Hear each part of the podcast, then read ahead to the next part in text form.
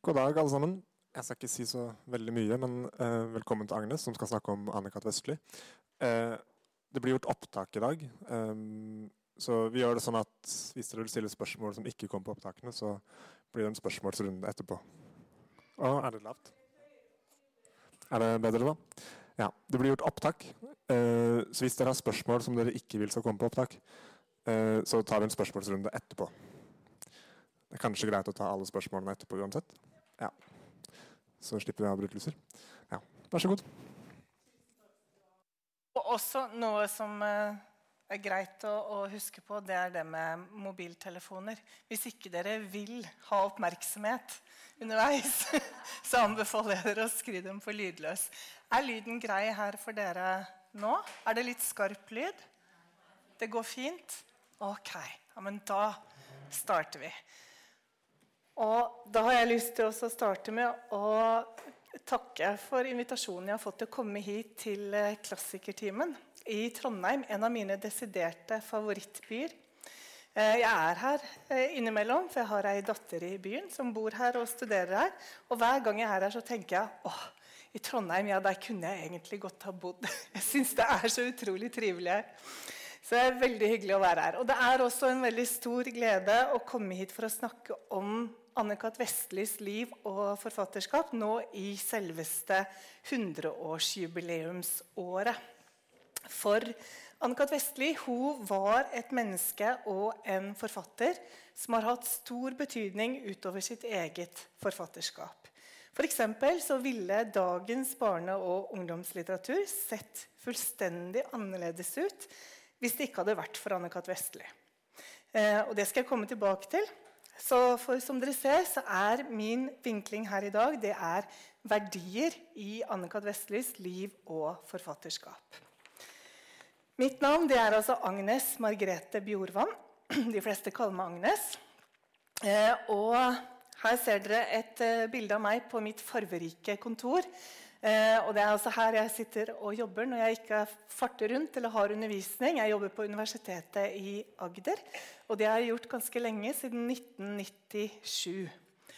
Eh, og Der er jeg bl.a. Eh, faglig ansvarlig for norskfaget i barnehavelærerutdanninga. Så jeg jobber mye med barnelitteratur. I tillegg så er jeg så heldig at jeg får gjøre mange andre spennende ting også. Blant annet så har jeg da skrevet denne biografien om Anne-Kat. Vestli for barn i alle aldre, som jeg liker å si. Eh, sammen med Vestlis faste illustratør Hans Jørgen Sandnes. Og I løpet av foredraget så kommer du til å få se en god del bilder fra denne biografien. Og da vet dere altså at det er Hans Jørgen Sandnes som har laga de bildene. Jeg har også med noen ganske få eksemplarer her hvis det skulle være noen som har lyst til å skaffe seg ei rabattert bok med en liten hilsen i. Et hundreårsjubileum 100-årsjubileum det er jo en anledning til å stoppe opp og tenke. Eh, tenke på jubilanten, selvsagt, men særlig tenke på hva jubilanten har gitt oss som vi kan ha glede av her og nå. Eh, eller som vi kan huske på å ta med oss inn i framtida. Hvis vi glemmer å stoppe opp, så risikerer vi å bli historieløse. Og vi risikerer å miste viktige erfaringer og nettopp verdier. Dagens uh, hovedperson, Anne-Kat. Vestli, datter av Ågot og Mens Oliver Skjøllerud, og lillesøsteren til også kjente Mens Skjøllerud, ble født på Rena i Hedmark 15.2.1920. Det var jo der jeg ble født, og det var Rena som i alle år ble stående for meg som det beste sted i verden, har hun sagt. Mens Oliver han eide og drev en jernvarehandel på Rena som dessverre gikk konkurs. Og Da Anne-Kat. var fire år, så flytta familien til et annet sted i Hedmark, nemlig Rudshøgda.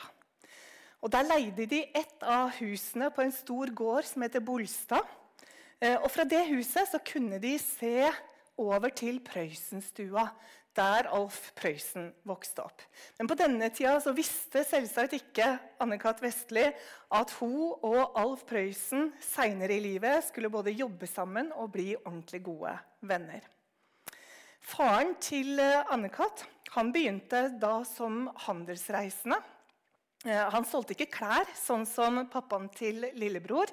Men han solgte apotekvarer. Reiste rundt i landet og solgte apotekvarer til landets apoteker. Eh, og han da, eh, reiste mesteparten av året og var hjemme på vinteren. Anne-Kat.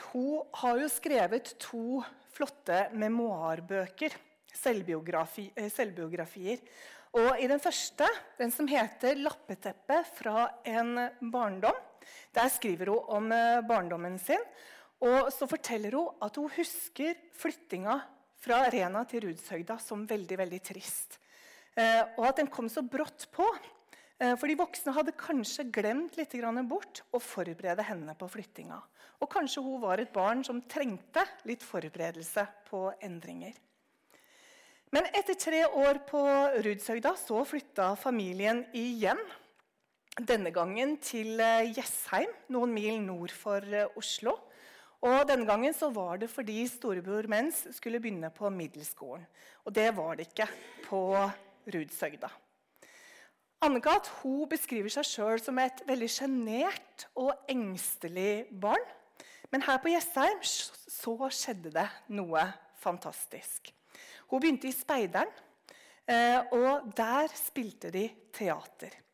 Og det var da Anne-Kat. oppdaga at når hun spilte teater, da var hun ikke redd i det hele tatt. Hun har faktisk fortalt at hun hadde lyst til å spille teater hele tiden, for da fikk hun på en måte ferie fra seg selv. Familien fortsatte imidlertid å flytte. Og i 1931, da Anne-Kat. var 11 år, så kom de til Lillehammer. De bodde rett ved Bjerkebekk, huset til den berømte forfatteren Sigrid Undset. Og en av Sigrid Undsets sønner gikk også i klasse, samme klasse som eh, Anne-Kat. Eh, men bare etter noen få måneder på Lillehammer så skjedde det sørgelige. Faren til Anne-Kat. var jo på jobbreise da familien flytta til Lillehammer. Og da han kom til Lillehammer utpå høsten, så var han så fryktelig sliten så han bestemte seg for å reise til en gård på Røros for å både hvile ut, men også for å skrive. Han, egentlig, han har skrevet noen bøker, og han ønska nok også å være forfatter. Så han skulle hvile, og han skulle skrive. Eh, men etter noen dager så fikk eh, familien beskjed om at han var blitt så dårlig at de måtte komme til Røros. Eh, og de reiste til Røros. Eh, og da de kom dit, så var det dessverre for seint. Da var han allerede død. Og og Dette var jo en hendelse som eh, selvsagt satte sitt preg på Anne-Kat. og familiens liv. En hendelse som var veldig vanskelig å forstå for en elleveåring som var utrolig glad i faren sin. Men mor Ågot og Mens og Anne-Kat. fortsatte å bo på Lillehammer. Og det var her på Lillehammer at Anne-Kat. ble så enormt glad i å gå turer i naturen, og da særlig i eh, fjellet. Da Anne-Kat. var 19 år gammel og ferdig med gymnaset, da flytta familien til Oslo. Eh, storebror Mens han var eh, student, så han bodde der allerede. Og han fant et gammelt trehus som de kunne bo i. Og Det huset er revet i dag, men det lå i Wergelandsveien 7B, rett ved Slottsparken. Eh, og Når vi leser om all denne flyttinga som prega Anne-Kats barndom og ungdomstid, ja, da er det kanskje ikke så rart at nesten alle personene hennes har en eller annen eh, flytteprosess i løpet av eh, barndommen sin. I Oslo begynte Anne-Kat. å studere fransk. Men så kom jo krigen og satte en stopper for de studiene. Hun spilte teater sammen med andre studenter. Og en dag ble hun spurt om å lese dikt på en stor tilstelning. Og da ble hun livredd, for hun tenkte at det tør jeg ikke. For hvis jeg skal lese dikt, da må jeg jo være meg sjøl. Eh, men så fant hun heldigvis på noe lurt. Hun kledde seg ut som en mann som var på bytur. Og så gikk hun til en eh, telefonkiosk og snakka i vei som om hun var den mannen på ordentlig. Og etterpå så gikk hun hjem og skrev ned alt det mannen hadde sagt. Eh, og plutselig så hadde hun skrevet sin, egen, sin første monolog, som hun trygt kunne framføre fordi hun var utkledd. Moren til Anne-Kat. var veldig veldig opptatt av at Anne-Kat. skulle få seg en skikkelig utdannelse. Så Anne-Kat. fullførte ett år på det som het studfaglinja på Handelsskolen. Selv om hun nok skjønte at hun kanskje ikke ville trives med å jobbe på kontor. Jeg tror både Anne-Kat. sjøl og lærerne var nokså enige om det. Eh, og hun forteller at En gang så var det en av lærerne hennes som sa at hun, så, hun hadde jo et veldig stort hår. Eh, som hun sa at det av og til kunne være godt å gjemme seg i. Eh, men den ene læreren han sa det at Anne-Kat. var så bustete på håret at det var ikke snakk om at hun noen gang kom til å få en jobb som sekretær. Og Det sa han jo da i klasserommet til alle. Så det Anne-Kat. gjorde, det var å gå ut på badet, vannkjemme håret sitt og da hun kom tilbake, så var det ingen som kjente henne igjen, og læreren sa aldri noen ting mer om hår. Anne-Kat. fortsatte med teater. Det var jo skuespiller hun egentlig ville bli. Eh, og hun spilte da i en gruppe som kalte seg Amatørteaterforeningen av 1942. Og her traff hun sin kommende mann Johan Vestli, som var tegner og maler og ansvarlig for scenedekorasjonene. De var først gode venner. Deretter så ble de kjærester, og så gifta de seg i 1946. Samme år som Anne-Kat. gjennom storebror Mens, som da jobba i NRK. Eh, så fikk Anne-Kat. innpass i NRK og skrev tre skuespill om Lars Pusekatt for Lørdagsbarnetimen. I 1948 så ble Anne-Kat. og Johan foreldre til sønnen Jo. Og da Jo var fire år, så skrev Anne-Kat. sin første serie for Barnetimen for de minste. Om en annen gutt som er fire år eh, og bor i byen, nemlig Ole Alexander Filibom-bom-bom. Og det ble den virkelige begynnelsen på et produktivt forfatterskap med ca. ei bok i året i over 50 år. I 1955 så flytta familien ut av Oslo sentrum til ei lavblokk på Brattlikollen. Eh, og her begynte Anne-Kat. å skrive om mormor og de åtte ungene i skogen. Og i 1957 så ble Anne-Kat. og Johan foreldre til enda en sønn. Da hadde de plutselig fått en lillebror i huset. Og Anne-Kat., som jo var lillesøster sjøl, hun ble veldig opptatt av hvor ensomt det kan være å være den minste i en familie eh, når alle de store i familien er opptatt med sitt. Eh, og Det ble noe av inspirasjonen til bøkene om lillebror og Knerten. Anne-Kat. og Johan de var jo ikke bare venner og ektefeller og foreldre. De var også kolleger. Eh, for så lenge han levde, fram til 1993, så var det Johan som illustrerte alle bøkene til Anne-Kat. Og De jobba med andre ting sammen også. F.eks. skapte de jo TV-programmene om Kanutten, som sikkert mange av dere husker. Og Anne-Kat var jo da Kanutten fra Kanuttenland. Og Johan filma. Eh, og For at Kanutten ikke skulle være så helt alene på jorda, så spurte Anne-Kat og Johan om Alf Prøysen ville være med. Og så ble han da gatesangeren Romeo Klive. I 1959 så flytta familien til en kunstnerbolig i Nøklesvingen på Bøler, der Anne-Kat. ble boende nesten resten av sitt liv. Helt fram til hun pga. Alzheimers sykdom ikke lenger kunne bo alene. Eh, og Da flytta hun til sønnen Jo og svigerdatteren Berit i Mjøndalen, Mjøndalen i Drammen i 2006. Nå har dere fått et sånn veldig kort riss av Anne-Kats eh, liv fram til hun var godt etablert eh, eh, som forfatter og Norges kanskje aller høyest elskede radiostemme. Og resten av tida her den har jeg tenkt å bruke til å snakke litt mer konkret om verdiene til Anne-Kat. Vestli. For verdiene hennes de er selve fundamentet for hele dette store forfatterskapet. Og dette blir ekstra tydelig i den teksten jeg har tenkt å lese for dere nå snart. Og det er ikke en tilfeldig valgt tekst. Eh, dere kjenner sikkert alle sammen bøkene om Ola Alexander Filibom-bom-bom. Eh, det var som nevnt den første bokserien som Anne-Kat. skrev. Og i 1953 så fortalte hun i Barnetimen for de minste at Ole Alexander skulle bli storebror. Og ikke nok med det. Hun avslørte i beste sendetid at babyen lå inne i magen til moren til Ole Alexander. Og det gjorde man ikke ustraffa på begynnelsen av 1950-tallet. Dette her var jo før TV, eh, og så godt som alle i Norges land hørte på radioen. Eh, og Barnetimen for de minste var et særdeles populært program.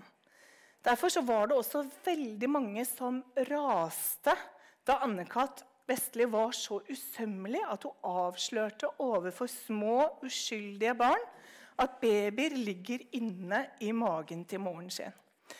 Og Både NRK og Anne-Kat. ble nedringt av sinte mennesker som trua med å slå av radioen.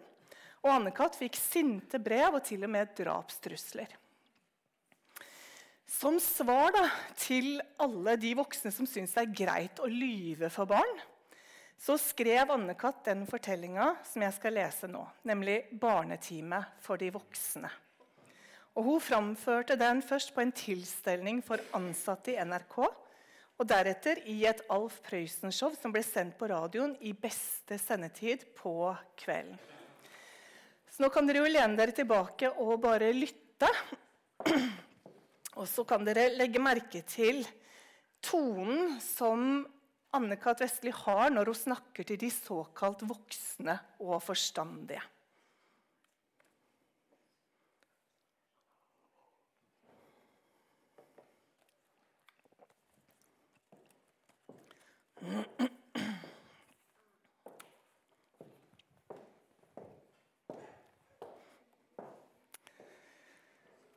barnetime for de voksne. Det var en gang en liten gutt som het Anton. Han bodde i et lite hus i en liten landsby sammen med moren og faren sin. Så var det en dag, det var like før middagstid, at moren til Anton satt og strikket på en liten sparkebukse. Det vet du kanskje hva er for noe? Anton satt og så på strikketøyet lenge, og så sa han 'Den der blir nok altfor liten til meg, den, mor.' 'Tror du den er til deg, da?' sa mor, og så lur ut i fjeset. 'Ja, er den ikke det, da?' sa Anton. 'Nei, den er nok til en liten baby, den', sa mor. 'Skulle du ønske at vi fikk en liten baby, Anton?' 'Ja, kan vi ikke det, da?' sa Anton. 'Men du, mor, åssen får vi tak i den babyene?' Mor ble sittende helt stille et lite øyeblikk, men så begynte hun å strikke fryktelig fort, og så sa hun mm, De små babyene de får vi kjøpt på landet. På landet har de jammen mye rart, sa Anton. Skulle ønske vi bodde på landet, så kunne vi gå og se på de babyene hver dag. Ja, sa mor og smilte. Ja, men du, mor, Da vi var på landet i sommer, så husker du den damen som bodde i det røde huset? Hun reiste til byen, hun, og da hun kom hjem igjen, så hadde hun med seg en baby. Å uh, ja, sa mor. Mm, de som bor på landet, kjøper babyene sine i byen. Å, sa Anton. Jeg ble kjøpt på landet, ble jeg ikke? Jo, sa mor. Var jeg dyr? sa Anton. Å, ikke noe å snakke om, sa mor. Når skal vi reise og kjøpe den babyen? sa Anton. Og nå var han virkelig spent. Det blir ikke så lenge til, sa mor. Men du kan ikke få bli med dit, skjønner du. Hvorfor ikke det, da? sa Anton. Jeg skulle nok pelle ut den fineste babyen til deg, jeg. Nå må du ikke grave og spørre så mye, sa mor. Du kan tro du var søt da du var liten. Da spurte du ikke om noen ting, da. Kunne jeg snakke da, da? sa Anton. Akkurat da hørte de at far kom hjem, og mor skyndte seg ut i entreen og hvisket til ham. Nå har jeg endelig fått fortalt om babyen. Flott, sa far og kom inn. Morgen, gutten min. Ja, nå er du veldig spent på om det blir en gutt eller pike storken kommer med, sa han. Storken, sa Anton. Ja, vet du ikke at det er storken som kommer med de små barna, du da, sa far. Den flyr helt fra Nilens bredd og holder den lille babyen i nebbet sitt. Og så flyr den over alle hustakene i denne byen og slipper babyen akkurat ned til oss. Ja, sa mor. Jeg har nettopp fortalt Anton at vi kjøper de små babyene på landet. Å, ja visst. Ja vel, sa far. Men jeg kom iallfall med storken. Det husker jeg helt tydelig. Kom og spis, sa mor. Etter middag skulle både mor og far hvile litt, og far sa, 'Du får sitte i stuen og passe huset så lenge, du da, Anton.' 'Ja', sa Anton. Det var ikke gått så veldig lang stund før det banket på døren. Anton lukket opp og der sto gamletante Agnete. 'Er din mor hjemme?' sa hun. 'Ja da, hun er hjemme, men hun var så veldig trett, så hun ville middag.' 'Å, var hun det, stakkars?' sa tante Agnete. 'Ja, nå er det vel ikke så lenge igjen', mumlet hun for seg selv. På bordet lå strikketøyet til mor ennå. Anton så på det, og så så han på tante Agnete, og så sa han 'Vet du noe rart, tante Agnete? Vi skal kjøpe baby.' 'Gid, vet du det?' sa tante Agnete. Hun ble litt rar i ansiktet sitt en liten stund, men så kremtet hun og gjorde stemmen nesten helt alminnelig og sa men, men dere skal ikke kjøpe, vennen min. Det var galt. Vet du ikke at de små babyene ligger i et stort tjern høyt over skyene? Der svømmer de omkring helt til de får lyst til å komme en tur ned til jorden. Og så daler de ned en stille natt og legger seg godt og bløtt under dynen. Og når du våkner neste morgen, ligger det plutselig en baby der. Ble du født sånn? sa Anton. Ja, sa tante Agnete. Kan du svømme? sa Anton. Nei, det kan jeg ikke, sa tante Agnete. Hun syntes det var merkelig at ikke Anton var mer interessert i de små barna hun fortalte om. Men der tok hun feil. Har du glemt det, da? sa Anton. Du kunne jo det da du lå krålet oppi det tjernet. Uff da, som du snakker, sa tante Agnete. Tenk, krålet. Kanskje du heller svømte sånn helt alminnelig bryst, sa Anton. Så rampete du er blitt, sa tante Agnete. Gå heller ut og lek litt, du, så skal nok jeg passe huset så lenge. Anton tuslet ut. Da han kom ut, så møtte han gamle Martin, som pleide å feie gatene i den lille byen. Du, Martin, sa Anton, åssen ble du født? Jeg, sa Martin og smilte vennlig.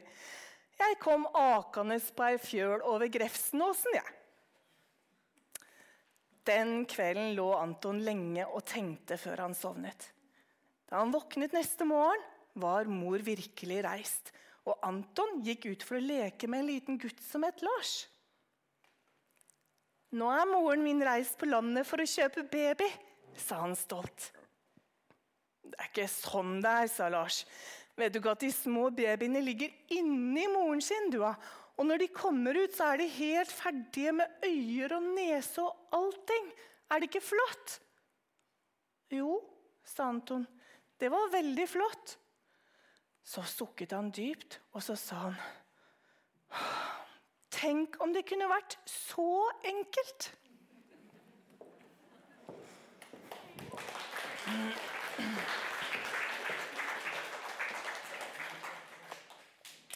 Ja, Det var barnetime for de voksne, slik bare Anne-Kat. Vestli kunne få sagt det. Med så mye respekt overfor barn og med en humoristisk distanse til alle de voksne som ikke har skjønt det alle barn vet, at det sjelden er lurt å lyve for barn. Og at man kan snakke med barn om alt så lenge man bruker ord barn forstår.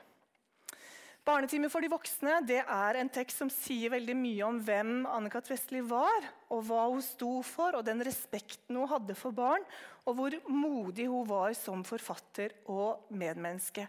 Hun mente virkelig det at man kan snakke med barn om alt, bare man velger ord barn forstår, noe som hun var veldig, veldig flink til. Og viktigere enn alt, man skal aldri, aldri, aldri lyve for barn. Det er noen som liker å narre barn. Det er forferdelig simpelt. Det tåler jeg ikke, sa hun.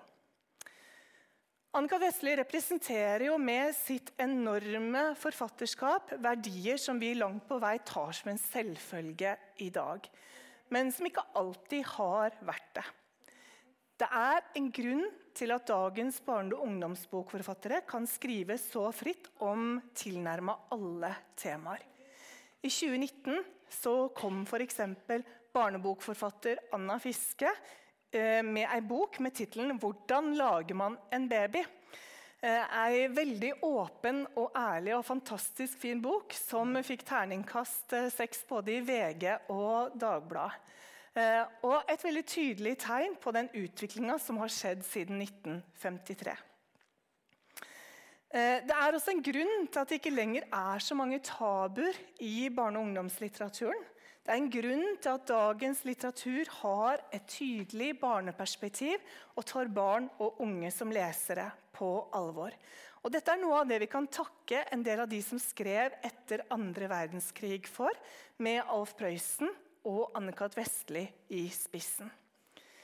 Noen ganger er det sånn at litteraturen går i takt med samfunnsutviklinga. Andre ganger så henger den etter. Eh, og noen ganger så går den foran og viser vei. Og Anne-Kat. Vestli tilhører den siste kategorien, som har gått foran og vist vei.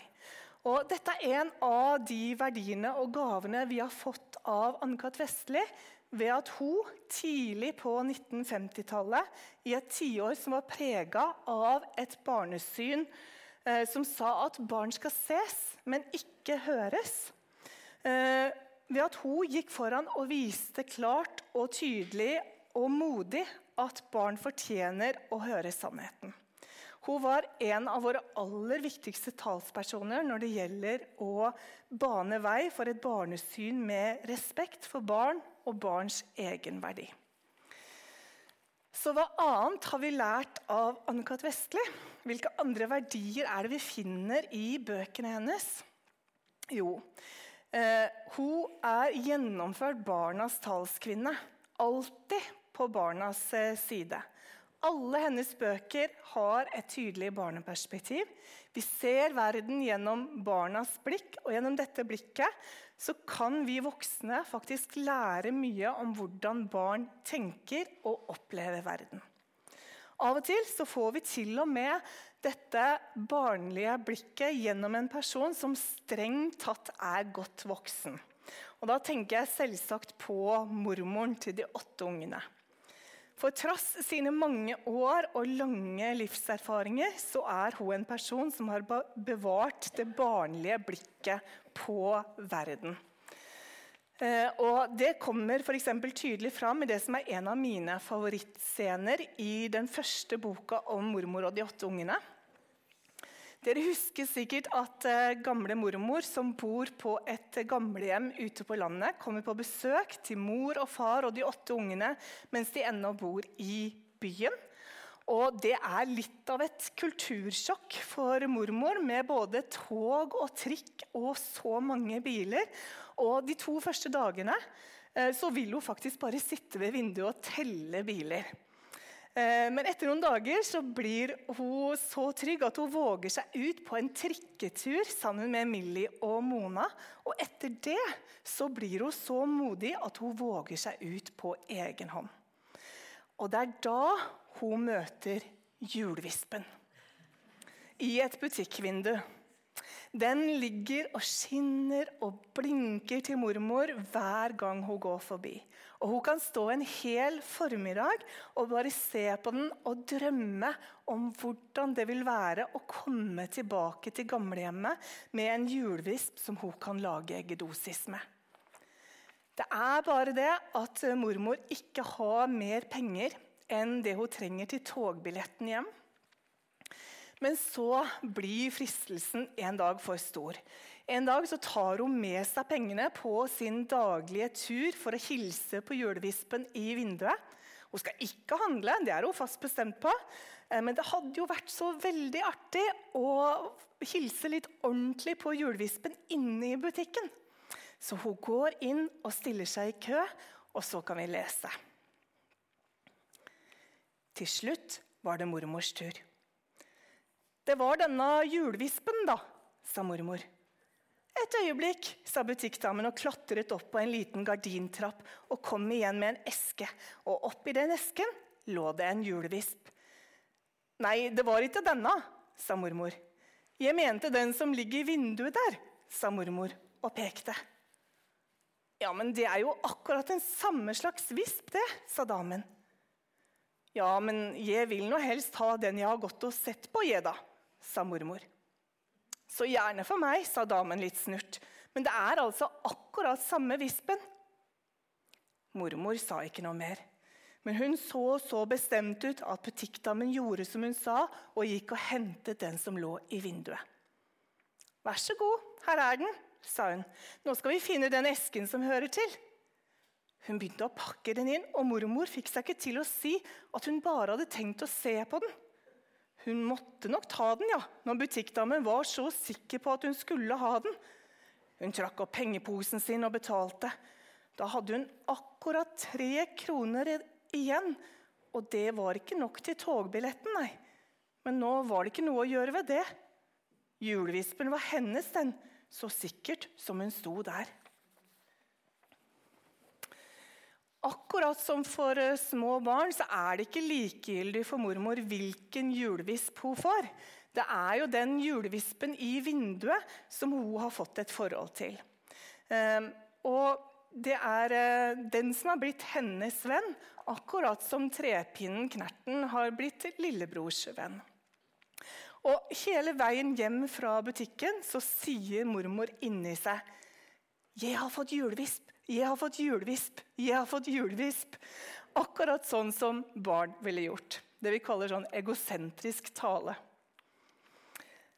Eh, eller internalisert tale.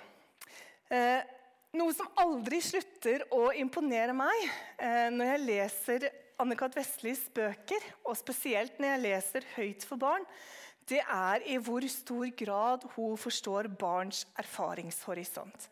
Hvordan barn tenker, hvordan barn føler, hvordan barn opplever verden. Hun forstår hva barn opplever som humoristisk og spennende.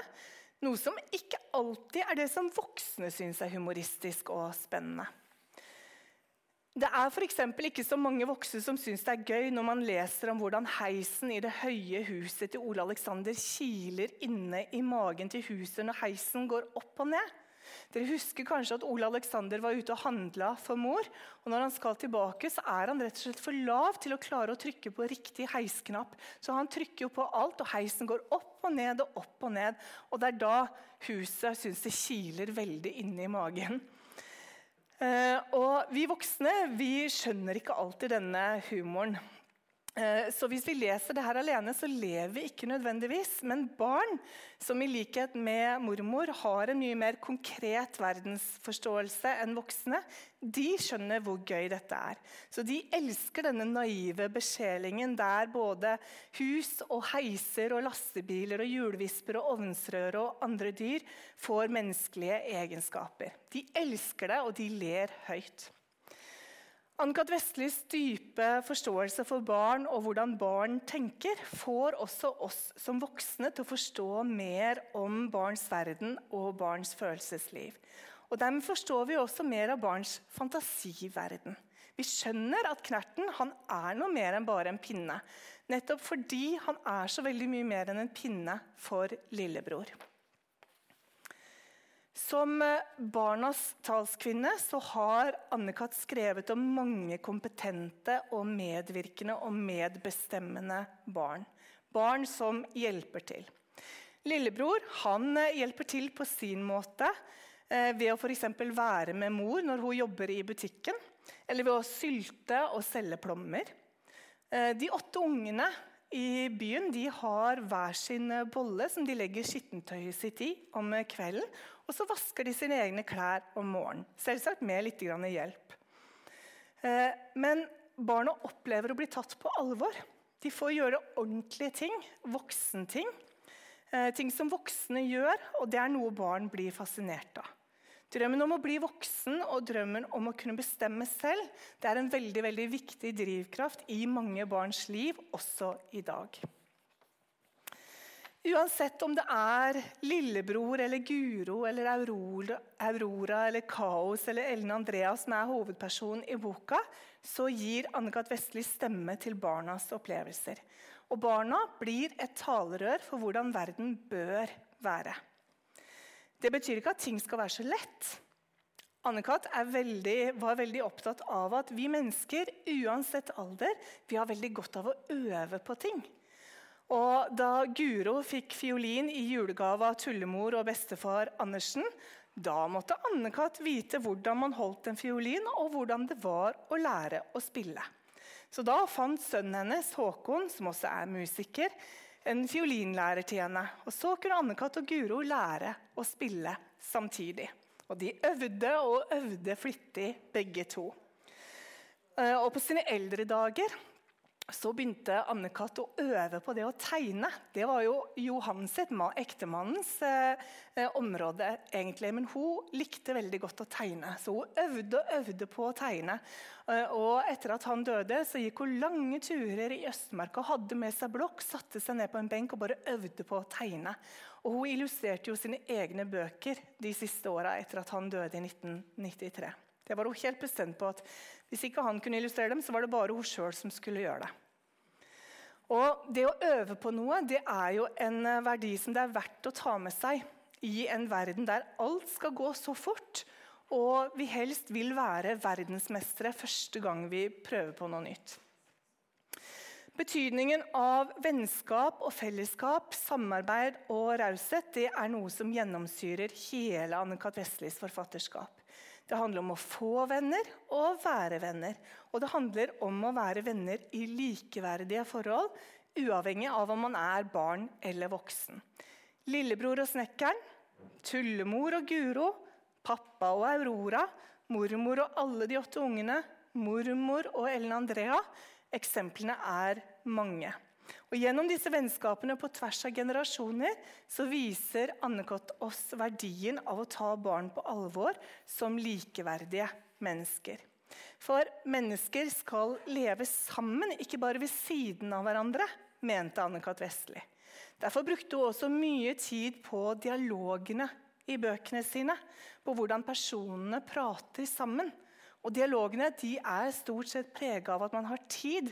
Tid til å lytte og tid til å forstå.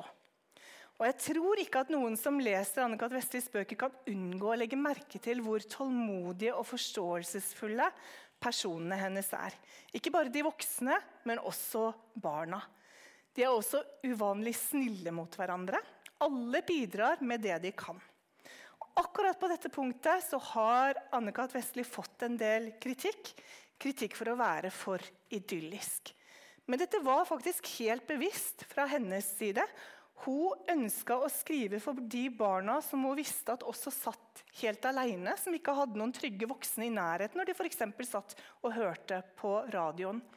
De skulle ikke bli skremt av hennes bøker, men de skulle finne trøst og de skulle få en mulighet til å se hvordan verden også kan være. I bøkene til Anne-Kat. samarbeider både små og store om samme sak. Hvis foreldrene mangler penger, så bidrar f.eks. barna med sine sparepenger. Og her er det direkte paralleller mellom bøkene og Anne-Kat. Vestlis eget liv. For da hun og mannen kjøpte seg hus på Bøler i 1959, ja, da lånte de 8000 kroner av sønnen Jo. Penger som mormoren hans hadde spart, spart opp til han gjennom åra. En del av det her virker kanskje litt sånn gammelmodig på mange av oss i dag. Og mange har beskyldt vestlige spøker for å være utdaterte. Eh, kanskje en del av dem er det for oss voksne.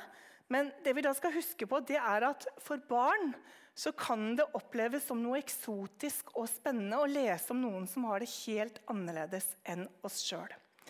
Eh, barn i dag syns f.eks. det kan være fascinerende når faren til Aurora koker bleiene til Sokrates, og det står at bleiene koker over. Det er ikke noe som så mange barn opplever i dag, det her med bleiekoking. Eller at man må gå til en telefonkiosk og gjerne stå i kø for å ringe. Det er veldig fremmed og rart, og også litt sånn spennende og eksotisk for mange av dagens barn, som er vant til å bare kunne plukke opp en mobiltelefon. En veldig tydelig verdi hos Anne-Kat. Vestli er respekt. En generell respekt for andre mennesker og en helt spesiell respekt for barn. Møter jeg et barn, så møter jeg et menneske, sa Anne-Kat. Og denne respekten blir særlig tydelig i måten de voksne snakker til barna på. De tar seg tid til å forklare og tid til å lytte. Men noen har selvsagt bedre tid enn andre. Snekkeren har f.eks. stor tålmodighet med lillebror, mens mor av og til ikke har tid til å lytte til absolutt alt. Spesielt ikke når hun må stå i butikken. Men denne respekten for barn den innebærer også en holdning om at barn fortjener å få innblikk i hvordan verden egentlig henger sammen. Man skal ikke lure barn, for sannheten er ofte mye lettere å godta for barn enn all verdens løgner som vi voksne kan eh, klare å kløne ting til med. Bare tenk på barnetimen for de voksne som jeg leste for dere i stad. Av og til så har Vestli blitt beskyldt for å ha et pedagogisk prosjekt for sitt forfatterskap. Men jeg tenker at i den grad Anne-Kat. Vestli har hatt et pedagogisk prosjekt, så er det de voksne som skal oppdras ikke barna. Andre tydelige verdier i Anne-Kat. Vestlis forfatterskap det er nøysomhet og arbeid. Gleden over å spare til det man ønsker seg, og lengselen etter en egen sykkel eller det å bruke kasser som møbler mens man sparer til en ordentlig sofa, sånn som de gjør hjemme hos eh, Aurora. Alt dette er jo fremmed for mange norske barn i eh, dag.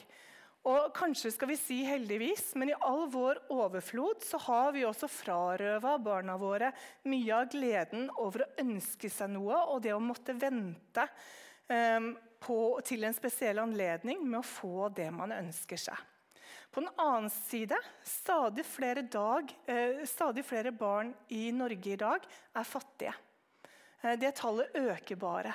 Så sånn sett så er jo Ann-Kat. Vestlis bøker om sparing og nøysomhet også noe som eh, vil være veldig gjenkjennelig for en del av dagens barn.